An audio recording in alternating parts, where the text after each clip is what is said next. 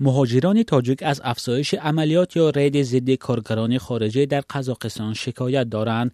یکی از آنها به رادیوی آزادی گفت 17 سال باز در قزاقستان کار می کند اما بار اول چنین معرکه را می بیند مقامات قزاقستان گفتند برای پیشگیری از قانون شکنی عملیات او چستک می گذرانند در این باره من مولا رجب یوسفی گزارش می دهم عظمت یکی از مهاجران تاجیک در قزاقستان روز 27 سپتامبر گفت مسئولان بخش مهاجرت همراه سربازان و نیروهای امنیتی در بازار برخلق شهر المتا مهاجران را با خود بردند. عظمت گفت سربازان آمدن همه بارش را پرتفته гурехт ҳуҷҷат дошта бошӣ ҳам гирифта мебаранд. Худи мо мебаранд маҳкам мекунанд мебаранд маҳкам декунам. Ман худи мо ҳафтаи гузашта бурдам маҳкам кардам сабаб бовар ки ҳичи ҳам мегирам мебаранд намедунам ҳичи нафаҳмидам. Мара дигар касбуй карда гардишино сӯй мекард мо чи тиҷорат кор мекунем. Яъне бовар нав бозор омадем. На соат ай се гузашта даҷа чор межа ҳолим омаем. این مهاجری تاجیک افسود خودی او را به بازداشتگاه بگالینا 101 برده قریب یک روز نگاه داشتند.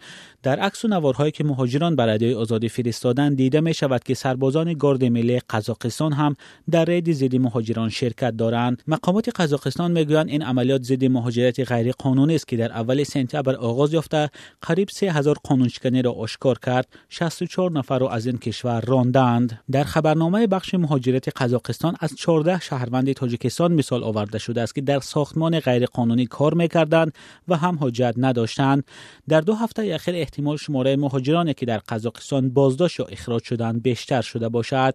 تا این وقت مهاجران تاجک در روسیه به چنین ریدها زیاد روبرو می شدند و تا اندازه به چنین وضع عادت کردند هنوز از قزاقستان چنین خبر نرسیده است. ولی در تقلید به روسیه عادتا چنین عملیات به زورآوری و فساد و رشوهگیری میکشاند و درستی حجت ها مانع شده نمی توانند این را هم باید گفت که مهاجران تاجک در قزاقستان زیاد نیستند. در اطراف دهانیم هزار نفر تخمین زده می شوند اما قزاقستان بعد روسیه دومین سمت مهاجرت کاری تاجیکان است.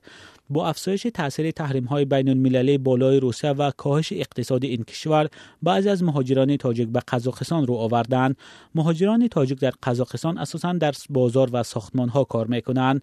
مهاجران قبلا از آن خوشحال بودند که در مقایسه با روسیه در قزاقستان تعقیب پلیس و بیگانه ستیزی کمتر است. حالا می‌گویند وضعیت به روسیه مانند می شود